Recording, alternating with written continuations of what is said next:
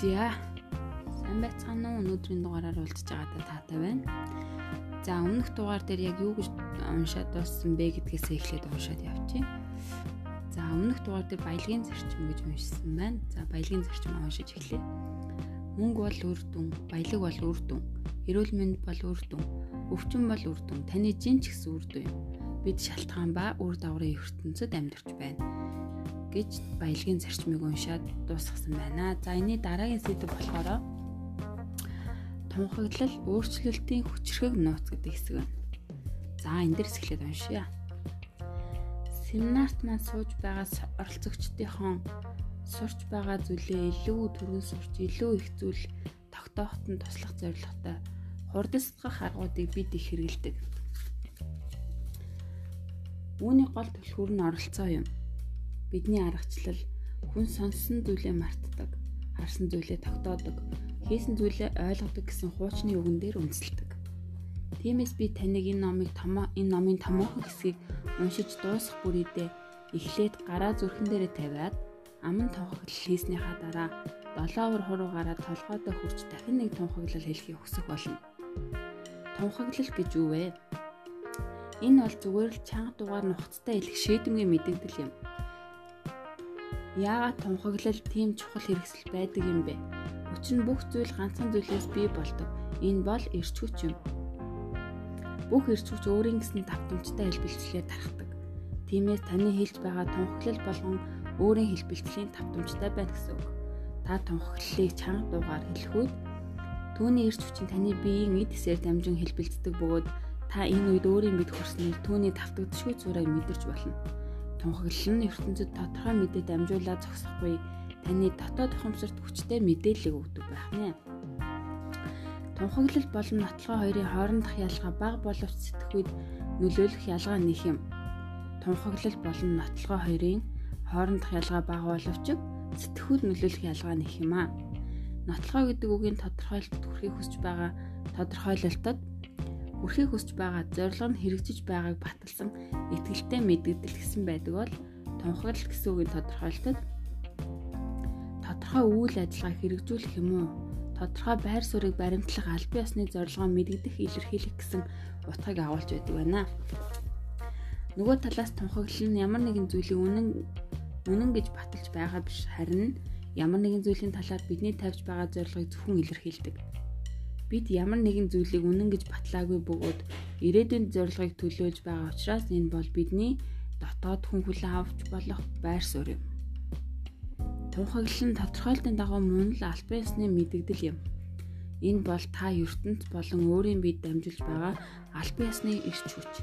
Тодорхойлдож байгаа бас нэгэн чухал үг бол үйл ажиллагаа гэсэн үг юм. Та өөрийн зорилгыг бодтойгоор хэрэгжүүлэхийн тулд шаардлагатай бүх үйл ажиллагааг явуулах ёстой. Та өөрийн зорилгыг бодтойгоор хэрэгжүүлэхийн тулд шаардлагатай бүх үйл ажиллагааг явуулах ёстой. Би танд өөрийн тунхаглалыг өглөө оройд тогтмол чанга дуугаар хэлхийг зөвлөж байна. Толинд харж байгаад тунхаглалаа хэлэх нь энэ үйл явц улам үйл явцыг улам хурдсгадаг. Би энэ бүхнийг анх удаа сонсоод үгүй шүү. Тунхаглал гэдэг нь миний хувьд хитрхи хуурамч сонсогдож байна гэж хэлж байснаа хүлээн зөвшөөрөх ёстой. Гэвч тэр үед би ядуу байсан учраас ямар хохирох юм байх биш.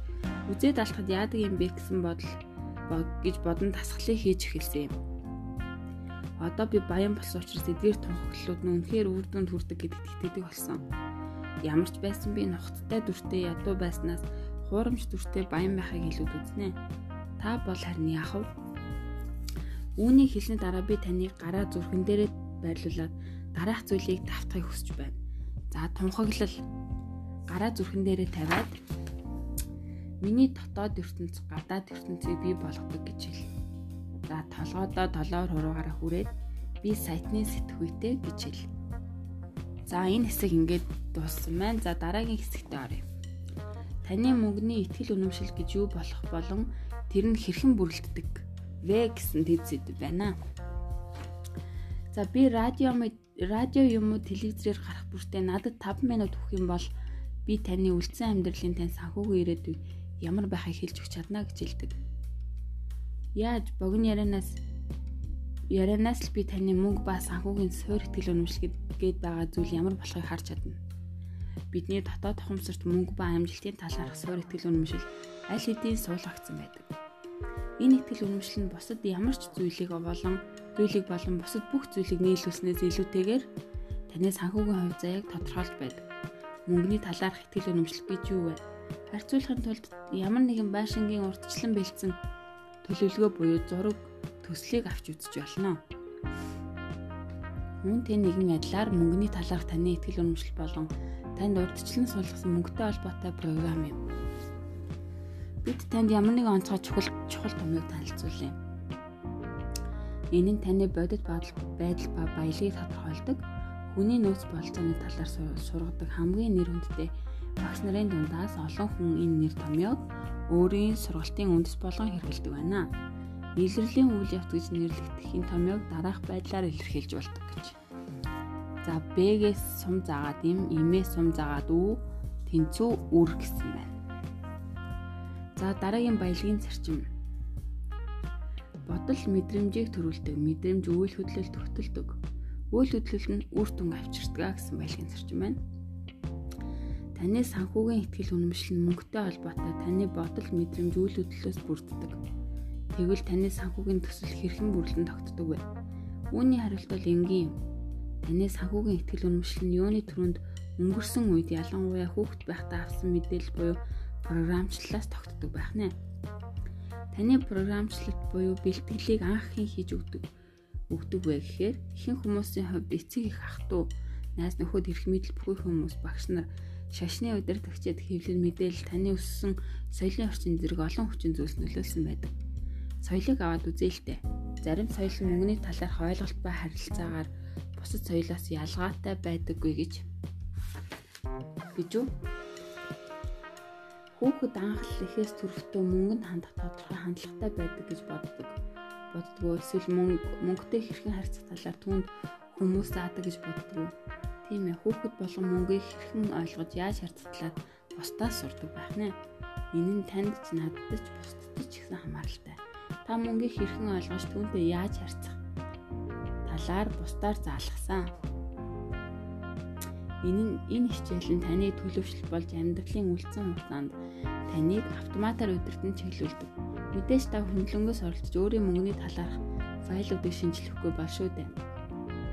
Үнэн дээр бол бид энэхүү өөрчлөлтийг энэ намын тусламжтайгаар хийхийг зорж байгаа бөгөөд жил бүр олон мянган хүнд зориул сайтны сэтгэх эрчимтэй семинараар дамжуулан оролцогчдынхаа мөнгөний талаарх ойлголтыг өөрчлөх ажлыг илүү гүнзгий бөгөөд тогтмол байдлаар хийдэг. Миний бодол мэдрэмжийг төрүүлж мэдрэмж үйл хөдлөлт хөтлөн үйл үр дүн авчирдаг гэдгийг бид өмнө нь хэлсэн. Тэгвэл нэг сонирхолтой асуулт гарч ирж байна. Таны бодол хаанаас үүсдэг вэ? Та яагаад хажуудаа хүний хажуудах хүнээсээ ялгаатай сэтгэдэг вэ? Таны бодол таны тархинд хадгалах хой санамжинд байгаа мэдээллийн файлаас гардаг. Тэгвэл энэ мэдээлэл хаанаас бий болдог вэ? Энэ танд өнгөрсөн үед суулгасан програмаас бий болдог. Тийм ээ. Таны төлөвшил нь таны толгойд орж ирэх бүх бодлыг тодорхойлдог. Ийм учраас түүнийг төлөвшсөн сэтгэхүйг нэрлэдэг юм аа. Таны програм бодлыг үүсгэж бодол мэдрэмжийг төрүүлж мэдрэмж үйл хөдлөлт хөтлөн үйл хөдлөл нь үр дүнг авчирдаг. Тийм учраас персонал компьютертай нэгэн адил та өөрийн програмыг өөрчилснөөр өөрийн үр дүн өөрчлөх анхны чухал алхмыг хийж байгаа хэрэг юм аа. Тэгвэл бид яаж төлөвшдөг вэ? Бидний амьдралын бүх асуудлууд тэр дундаа мөнгөтэй холбоотой асуудлууд нь гурван үндсэн замаар төлөвшдөг байх нэ. Нэгдүгээрт нь аман програм. Таны хүүхэд байхдаа сонсож байсан зүйлс. Хоёрдугаарт нь үлгэр дуурайл. Таны хүүхэд байхдаа харж байсан зүйл. Тодорхой үйл явдлууд. За таны хүүхэд байхдаа туулж өнгөрүүлсэн туршлага гэсэн гурван үндсэн замаар төлөвшдөг байх нэ. Төлөвшлийн гурван хүчин зүйлийг ойлгох нь чухал учраас тус бүрийнхин талаар тайлбарлая. Номын 2 дугаар хэсэгт та өөрийгөө хэрхэн баялаг ба амжилтанд хүрэхээр төлөвшүүлэх ёстой талаар ярилцах болно. За анхны нөлөө буюу аман програмчлал гэсэн зэдэг байна. Эхлээд аман програмчлалын талаар ярья. Та өсвөр насндаа мөнгө эд баялаг баян хүмүүсийн талаар юу сонсож байсан бэ? Та хизээч хизээ нэг цагт мөнгө бол бүх муу мухай зүйлийн шалтгаан мөнгө хэцүү үед зориул мөнгөө хэцүү үед зориулж хадгал баян хүмүүс шуналтай баян хүмүүс бол гемт хэрэгтнүүд, бохир баячууд мөнгө олохын тулд шаргуу хөдөлмөрлөх ёстой. Мөнгө модноос модноос ургадаггүй та нэгэн зэрэг баян болон оюунлаг байх боломжгүй. Мөнгө аз жаргалыг худалдаж авахгүй, мөнгө ярддаг. Баячууд улам баячиж, ядуучууд улам ядуурдаг. Мөнгө бидэнд зориулагдаагүй хүн бүхэн баян байх боломжгүй. Хүн хизээ сэтгэл хандаггүй. Мөнгө алдартай бид хандаггүй мөн алдартай бид үүнийг хийж чадахгүй гэх зэрэгээр гих зэрэг яриануудыг бол сонсож байсан уу гэж асууж байна. Миний хувьд би ааваасаа мөнгө асуух болгондоо би мөнгөөр хийгдсэн юм уу гэж хаширхыг нь сонсдог байсан. Ба би түүнд тоглоомор тэгвэл ямар сайхан юм бэ? Би таны гар хурууг авахгүй юу гэж хариулахад тэр харин үүнийг нь хизээч инээж байгаагүй. Асуудлын гол нь энд байгаа юм Та хүүхэд байхдаа мөнгөний талаар сонссон болгон чинь таны дотоод тохомсор төлдөж а таны санхүүгийн амьдралыг өдөртөн чөлөөлдөг ихтгэл үнэмшлийн нэг хэсэг болон хөгждөг байна. Аман төлөвшил нь маш хүчтэй зүйл юм. Жишээ нь манай хүүжээс 3 настай байхдаа над руу гүн ирж сэтгэл нь хөөрсөн байдалтай. Аава, Мишийн нинжа гэдэг кино үзэлтэй. Манай ойрхон гарч байгаа гэсэн гэж хэллээ. Би энэ жаахан жал яаж газар зүйн байрлалыг мэдэж байгаа ба байгааг бодоод олсонгүй. 2 3 цагийн дараа би зурагтаар тэр киноны сурталчилгааны төгсгөлд одоо танаа ойролцоо кино театрт гарч байгаа гэж хэлхийг хараад учрыг нь ойлгосон юм аа. Аман төлөвшлийн нөлөөг харуулсан бас нэг жишээ манай сайтны сэтгүүл семинарын нэгэн оролцогчийн амьдралаас харагддаг. Стефен мөнгө олохдоо ямар ч асуудалтай тулгардаггүй байсан боловч түүнийг хадгалахдаа бэрхшээлтэй байжээ. Стефен манай сургалтанд ирэх үедээ жилд 800 гаруй мянган доллар болдог байсан маань сүүлийн 9 жилийн орлого олсон байна. Гэвч тэр үүгээр арай гэж болгодог байжээ. Тэр яаж игээд өөрийнхөө мөнгийг зарцуулах, зээлэх, хөрөнгө оруулалтын буруу шийдвэр гаргах гэх мэтэр дуусгачихдаг байж. Ямар нэг шалтгаанаар тэр ямар ч цэвэр хөрөнгөө үлдсэн байна. Стефен бидэнд үүнийг баг байхад ээж нь баян хүмүүс шуналтай тэд мөнгөө ядуу хүмүүсийн хөлс хүчээр олдог. Чи зөвхөн өөрт хүрэлцүүц хэмжээний л мөнгөтэй болох хэрэгтэй түүнээс илэг болох юм бол муу хүн болно гэж хэлдэг байсныг ярьсан юм. Стефни дотоод тохомсорт юу явагдаж байгааг ойлгоход буужингийн мэрэгчлэлтийн шиг мэрэгсэн байх шаардлагагүй. Тэр ядуу байх нь ямар ч аргагүй. Яг тэр тэр ядуу байх нь ч аргагүй. Түүнийг ээж нь яриагаараа баян хүмүүс бол шуналтай гэж хүүгээ төлөвшүүлсэн байжээ.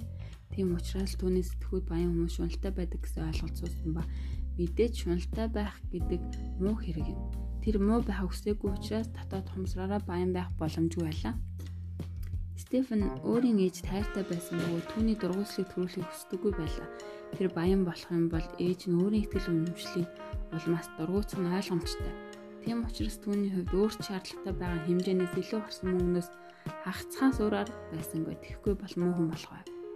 Баян болох болон ээжийнхээ Сэтгэлд нийцүүлэхийн аль нэгийг сонгох ихэнх хүмүүс баян болохыг сонгоно гэж та бодож байгаа. Хизээч тэгдэггүй юм. Хүний сэтгэхүй ингэж ажилдаггүй. Мэдээж баян болох нь илүү логиктэй сонголт байх байсан. Гэвч хүний дотоод тохомсор нь гүн шингэсэн сэтгэлийн хөдөлгөөн ба логик хоёрын дундаас үргэлж сэтгэлийн хөдөлгөөнийг сонгодог юм аа. Баялагын зарчим. Хүний дотоод тохомсор нь гүн шингэсэн сэтгэлийн хөдөлгөөн ба логик хоёрын дундаас үргэлж сэтгэлийн хөдөлгөөнийг сонгодог гэсэн баялагын зарчим байна. Ярьж байсан түүх рүүгээ иргэн орцгоё сургалтын үеэр маш өндөр үр дүнтэй туршилтын аргыг ашигласнараа Стефани мөнгөний талаарх ихтгэл үнэмшлийг 10 минут хүрэхгүй хугацаанд ирс өөрчилсөн юм. Хоёрхан жилийн хугацаанд тэр ядуу хүнээс саятан болж урьсан. Стефан өөрт хэрэггүй ихтгэл үнэмшил нь ээжийнх нь програмчлалтээр үндэслэгдсэн болохоос түүний өөрийнх нь биш болохыг сургалтын явцад ойлгосон юм. Бид өөрсдийн ажиллагааг нэг алхам гүнзгийрүүлж түнд баян болохын хамтаар ээжийнхээ дургуйслыг төрүүлэхгүй байх стратегийг боловсруулахад тусалсан энэ нэг энгийн зүйл байлаа. Түүний ээж Хавайд дуртай байжээ. Иймээс Стефен Мауид далайн хэрэг дээр байшин хөдлөж авч өгчээ. Тэр ээжигээ бүтэн өвлийн турш тийш нь явуулдаг болжээ. Ээж нь Деважинд байгаа юм шиг л баяртай байсан бөгөөд Стефен ч сэтгэл хангалуун байлаа. Нэгдүгээрт Ээжд нь түүний баян болсон таалагдж хүн бүрт түүний өгөөмөр цаг магтах болжээ. Хоёрдугаар Стефен жилийн 6 сарын турш түүнтэй тулах шаардлагагүй болсон байна. Үнэхээр сайхан шийдэл болсон шүү. Миний хувьд эхлээд удаан агцтай байж байгаад яванда бизнес амжилт гаргаж ирсэн боловч боловч хувьцаагаар хязгаарч мөнгө олохгүй мэт санагддаг. намайг хүүхэд байхад аав маань өдөр бүр ажиллаж ирснэхээ дараа оройн хоолны үеэр сонин уншаад ширээ шан шаал дэмий хувьцаанууд гэж ашигладаг байсныг би эргэн сандаг юм. Тэгээд аав маань бүх тогтолцоо ямар тэнэг бөгөөд Лас Вегаст автомат тоглоом тоглож мөнгө очих нь илүү боломжтой тухай хагас цаг илтгэж тавьдаг байсан. Та одоо аман төлөвшлийн хүч нөлөөг ойлгодог болсон болохоор би яагаад үнэт цаасны зах зээлээс мөнгө олж чаддаггүй нь гайхалтай санагдахгүй байгааз би ямар ч амжилт хүрэхээр програмчлагдаагүй.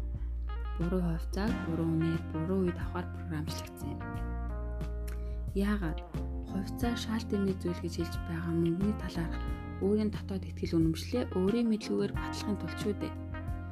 Би өөрийн дотоод санхүүгийн цэцэрлэгээс энэ нүсэр бөгөөд хортой хогийн ургамлыг гаргаж хайснаар үр жимсэнд дарагдсан гэдгийг л хэлж чадна. Би өөрийгөө шинжилэн төлөвшүүлсэн өдрийн маргаашнаас эхлэн миний хөдөлж авсан хувьцааны үнэсч тэр үеэс хойш би үнэт цаасны зах зээл дээр гайхалтай амжилт гаргах болсон юм. Үнэмшмээргүй санагдаж байж болох боловч та мөнгөний ихтгэл үнэмшлэх хэрхэн ажилтгийг ойлгох үед энэ нь илүү ойлгомжтой санагдах болно. Дахин хэлэхэд таны дотоод ухамсарын төлөвшил нь таны сэтгхүйг тодорхойлдог. Таны сэтгхүй таны шийдвэрийг тодорхойлох ба таны шийдвэр нь таны үйл хөдлөлийг тодорхойлж үйл хөдлөл нь таны үр дүнг тодорхойлдог юм аа.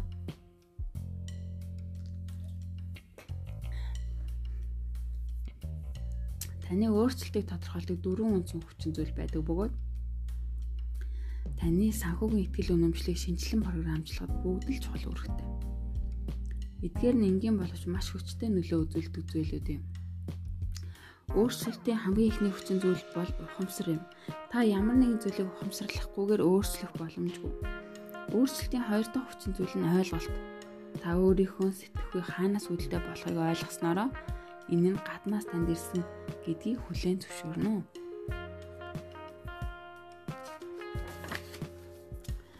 Өөрчлөлтийн 3 дахь хүчин зүйл нь тусгаарлалт юм. Та ийм сэтгэхүйн таны өөрийн их биш гэдгийг ойлгосон нөхцөлд өөрийгөө түүнээс тусгаарлаж өнөөдөр хэн байгаа болон маргааш хэн болохыг хүсэж байгаагаас шалтгаалж түүнийг хаях уу хадгалах уу гэдгийг шийднэ гэсэн. Та ийм сэтгэхүйг ажигласнаар Тэр бол таны толгойд удаан хугацаанд хадгалагдсан мэдээллийн файл бөгөөд одоо үнэн юм уу үн цэндэ байха болсон гэдгийг ойлгож чадна. Өөрчлөлтийн дөрөвдөг хүчин зүйл бол шин төлөвшөлт. Бид энэ үйл явцыг номын 2 дугаар хэсэгт эхлүүлэх ба тэр үед баялагийг бүтээгч файлуудын талаарх танилцуулах болно. Та энэ ажиллагааг нэг алхам урагшлуулахыг хүсэж байвал би таныг сайтны сэтгхүйн семинарт сууж өөрийн дотоод ухамсарыг эсийн төвшөнд үүр шинжилгээд туслах хүчрэх зураг аргыг хэрэглэн мөнгө ба амжилтанд тустай байдлаараа өөрийн сэтгхийг өөрчлөхийг бол урьж байна. Одоо аман төлөвшил болон өөрийн мөнгөний талаарх өөрийн ихтгэл үнэмшлээ өөрчлөхийн тулд хэрэгжүүлэх алхмуудын тухай бидний ярианд иргэн орё. Өөрчлөлтийн алхмууд гэж. За аман програмчлал. Ухамсар Та хүүхэд байхдаа мөнгө, эд баялаг, баян хүмүүсийн талаар сонсож байсан бүх зүйлээ жагсааж бич. За дараагийнх нь ойлголт. Таны сонсож байсан эдгээр зүйлүүд нь одоо хүртэл таны санхүүгийн амьдралд хэрхэн нөлөөлж ирснийг дараа нь бич. Тусгаарлалт. Эдгээр бодлуудыг та бусдаас сурсан бөгөөд тэдгээр нь таны бие махбодын нэг хэсэг биш та өөрөө өөрөө ч биш гэдгийг ойлгож байна уу? Одоо та өөрөө байх тийм сонголт хийх боломжтой гэдгийг ойлгосноо. За тунхаглал гараа зүрхэн дээрээ тавьж байгаад хэлэх нь. Миний мөнгөний талаарх миний өмнө сонсон зүйлүүд заавал үнэн байх албагүй. Би өөрийн аз жаргал ба амжилтанд тус болох шин сэтгүүтэй болох сонголтыг хийж байна. За толгойдоо гараа үргээд би сайтны сэтгүүтэй. Би сайтны сэтгүүтэй гэж хэл. За хоёр дахь нөлөө үлгэр дуурайлал. Бидний төлөвшөлт нөлөөлдөг хоёр дахь зүйл бол үлгэр дуурайлал юм. Таныг баг байхад таны эцэг юм асар хамгаалагчид тань мөнгөний асуудал хэрхэн ханддаг байсан бэ? Тэдний айл нэг юм эсвэл бүр хоёулаа мөнгийг сайн зохицуулдаг байсан уу эсвэл муу зохицуулдаг байсан уу? Тэд мөнгө өргөчд байсан уу цуглуулагчд байсан уу? Тэд ухаалаг хөрөнгө оруулагчд уу эсвэл хөрөнгө оруулагчд байж чадаагүй юу? Тэд эрс хүлээдгүй эсвэл болгоомжтой хашир хүмүүс байсан уу? Тэд өрүүлж мөнгөтэй уу? Эсвэл мөнгөний урсгал нь тогтворгүй байсан уу? танаа гэр бүлд мөнгө амархан орж ирдэг байсан уу? Эсвэл олохын тулд үргэлж зовж шаналдаг байв уу? Танаа гэрт мөнгө баяр хөөр авчирдаг байсан уу? Эсвэл хэрүүл маяг авчирдаг байсан уу? За энэ мэдээлэл яагаад ийм чухал юм бэ? Та санамгчин харснаа хийдэг гэдэг үг сонсож байсан ба. Тэгвэл хүмүүс ч тэднээс нэг их ялгараад байдаггүй.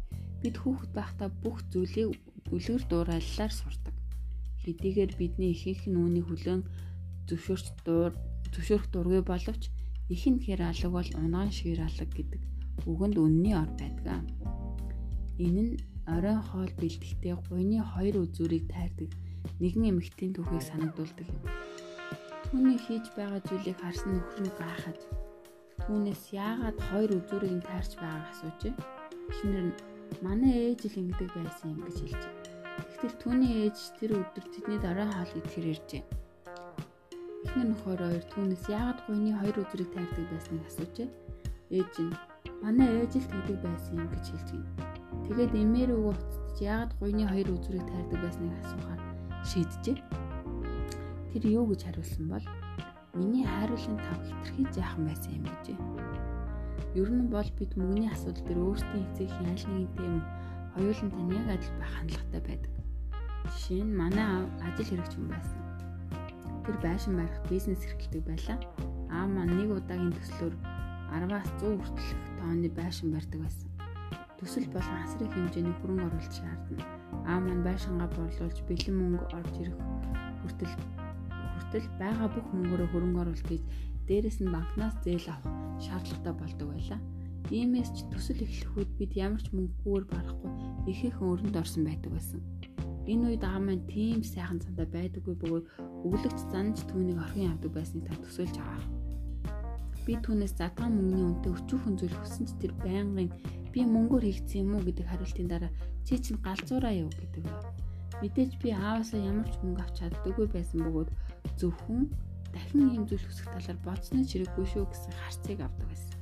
Та ч гэсэн энэ харцыг мэднэ гэдэгт итгэлтэй бай.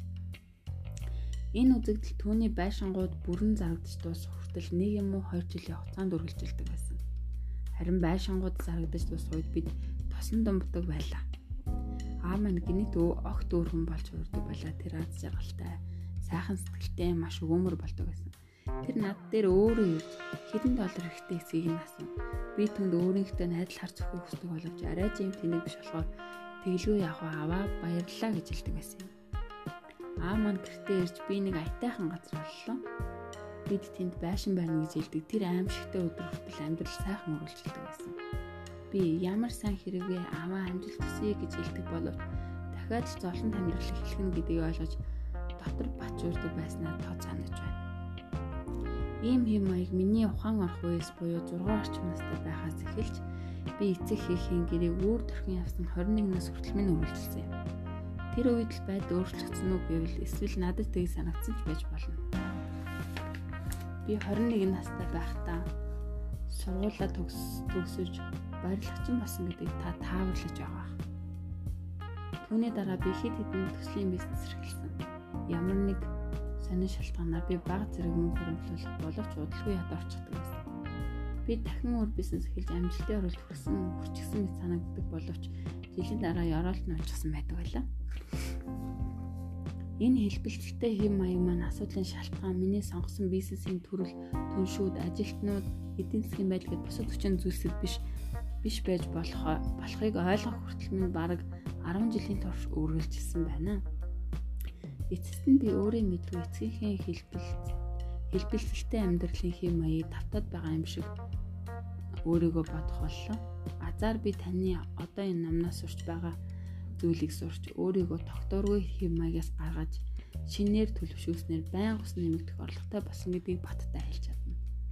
Өнөөдөр ч гэсэн ажил хэрэг сайн байгаа үед байдлыг өөрчлөх хүсэл төрдөг.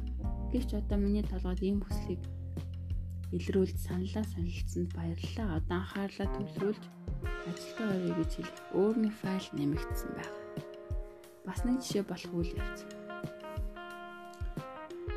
Флорида мужийн Орландо хотод явуулсан миний семинарын үеэр тохиолдсон. Хүмүүс урдын ажлын нэгээрээ тайзан дээр гарч ирэн миний гарын үстийг авч мэдчлэх юм уу талархал илэрхийлэх гэж дугаарлаж байлаа. Нэг настай ир над дээр ирээд ихэр татан уйлж байсныг би огт мартдаггүй. амьсгаан давхцсан тэрээр нөлөмсөн анцуугаараа харчиж байв. Би түүнээс юу болох болоод байгааг нь асуулаа. Тэр би 63 настай. Би гарсан цагаас би гарсан цагаас эхлэн номнуудыг уншиж семинар суусаар ирсэн. Би илтгэгч болгонтой уулзч тэдний заасан бүхнийг туршиж үтсэн. Би хувьцаа үйл хөдлөх хөрөнгөөр 10 гаруй өөр бизнес хүчээ турсан. Би дахин их сургууль суралцж бизнесийн удирдлага магистрийн зэрэг авсан. Би жирийн 10 хүнээс ч илүү мэлэг эзэмшсэн боловч санхүү хувьд хэзээ ч хүрч байгаагүй. Би үргэлжил амжилттай эхэлдэг байсан боловч эцэст нь хаосрдаг байсан ба энэ нь олон жилийн хугацаанд яагаад гэдгийг хизээч ойлгож чадаагүй. Би өнөөдөр хүртэл өөрийгөө хөршин тэнэгэл гэж боддог. Эцэст нь таны ярьсныг сонсоод зөвлөсөн тасгалыг тань хийх нь утга учиртай санагдаж байна. Би ямар ч буруугүй юм байна. Зөвхөн миний эцгийн мөнгөний итгэл үнэмшлэл миний толгой суучгаад надад хор очруулаад байгаа юм байна эцэг маань хямралын үеийг туулж гарсан хүн байдаг юм. Тэр өдөр бүр ажил олох гэж эсвэл юм зарах гэж хичээдэг байсан боловч хоосон л ирдэг байсан. Би үлгэр дурайл ба мөнгөний загварын талаар 40 жилийн өмнө ойлгосон бол миний олж авсан бүх мэдлэг боловсрал цаг үрсэн хэрэг байжээ гэж хэлээд тэр улам чангаар уйлж байсан юм. Би түнд таны мэдлэг яагаад ч цаг үрсэн хэрэг биш юм аа.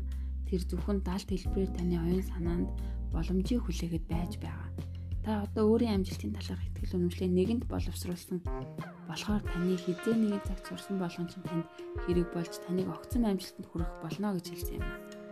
Бидний ихэнх нь үнэн үгийг сонсоод мэддэг. Тэр тайвширч гүнзгий амьсгаа авч хэллээ.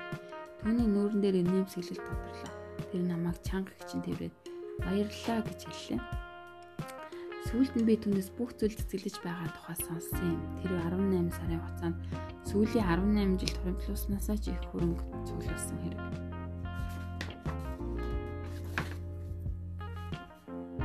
Та энэ дэлхий дээр энэ дэлхийн бүх мэдлэг болон ур чадварыг эзэмшиж болох боловч таны итгэл үнэмшил амжилтанд зориулагдаагүй бол та санхүүгийн хувьд сүрэх талантай байх болно манай семинарт эцэг их нь дэлхийн 2 дугаар танд оролцсон юм уу?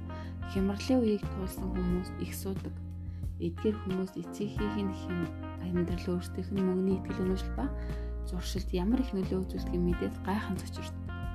Зарим хүмүүс та амархан бүх мөнгөө алдаж болох учраас байгаад дээр нь хэрэглэх гэсэн зарчмаар мөнгийг замраагүй. Зарим нь үүний эсрэгээр мөнгөө цуглуулж хэцүү үед зориулан нэг ухаалаг зөвлөгөө хэлье. Хэцүү үед зориулж мөнгө хадгалах нь зөв санаа байж болох боловч энэ нь том асуудлыг үүсгэдэг. Бидний заадаг зарчмуудын нэг бол хүсэл эрмэлзлийн хүч чадал юм. Та мөнгөө хэцүү цагт зориулж хадгалснараа юу болж байгааг хүсэж байгаа хэрэг вэ?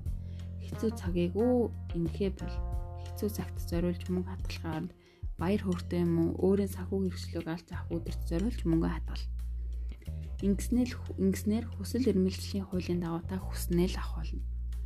Бидний ихэнхэд тохиолддог мөнгөний асуудлууд нь эцгийн маань аль нэгийнхээ юм уу эсвэл хоёулынгийнхантай нь яг ижил хандлагатай байдаг гэдгийг та өмнө хэлсэн боловч үүний эсрэг жишээ бас байдаг.